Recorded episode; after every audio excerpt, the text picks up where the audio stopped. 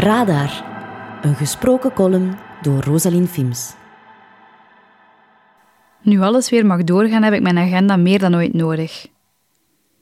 De plannen waar we twee jaar op moesten wachten, zet ik in een app die zowel aan mijn computer als aan mijn gsm is gekoppeld. Maar door een foutje in de verbinding komt de agenda van mijn computer soms wat achter. Dan schrijf ik het er manueel nog maar eens in en plots staat het evenement twee keer ingepland. Alsof mijn agenda wil voorkomen dat ik nu ook maar iets zal missen. Wat ik er ook kan noteren is de Gentse halfvaste voor.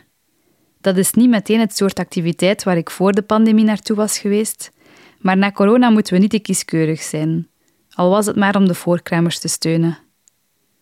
De voorzitter van de Vereniging voor Voorreizigers is blij omdat het eindelijk weer kan doorgaan, maar hij vraagt zich tegelijkertijd af of mensen nog tot op het plein zullen raken na twee jaar van uitstel.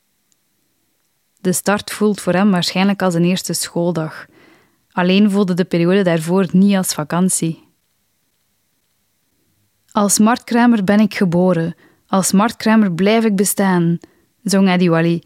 Maar volgens mij geldt hetzelfde voor de voorkramers. Niemand zegt zo mooi Allee, of heeft de choreografie van de flush zo goed in de vingers als zij. Ik vraag me af wat ze al die tijd hebben gedaan toen er niets mocht doorgaan. Zouden ze hun botsauto playlist hebben opgezet terwijl ze stonden te strijken? Of gaven ze via Teams een workshop oliebollen bakken als aanvulling op het bananenbrood? Waarschijnlijk deden ze gewoon hetzelfde als de rest van de bevolking. Winkelen was toen de belangrijkste en zwaarste taak van de dag, gevolgd door de dagelijkse wandeling die ons mentaal gezond moest houden. Uiteindelijk lieten we ons zakken op de dorpel waar een aperitief ons mentaal gezond hield. We hielden gesprekjes met de buren die elk vanuit hun deur of raam wilden weten hoe het ging.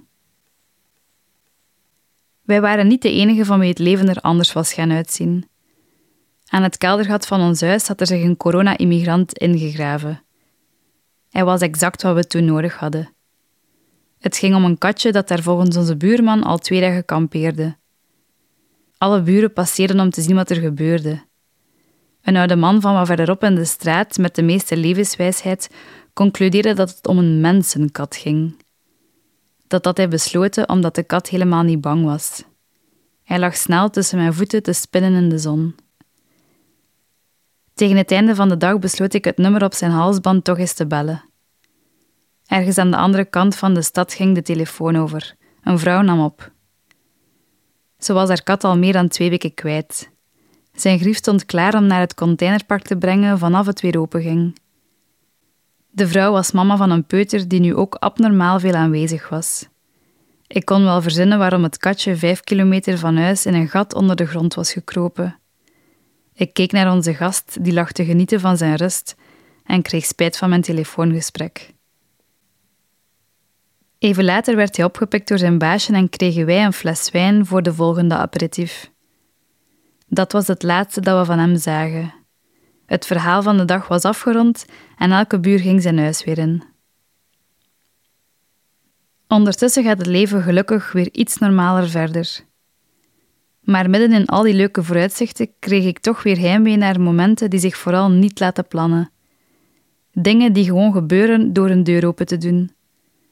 Er was geen enkele buur die toen het praatje afronde omdat hij dringend ergens moest zijn. Er waren alleen zeeën van tijd waarop we ons lieten drijven. Dus, beste voorzitter van de Vereniging voor Voorkramers, als ik straks niet op uw halfvaste voor zal verschijnen, neem het dan vooral niet persoonlijk op. Ik ben nog afscheid aan het nemen van mijn leven zonder agenda. En wie weet, misschien ga ik toch en koop ik een ticketje voor de rollercoaster. Kwestie van terug op snelheid te komen in de wereld van weleer.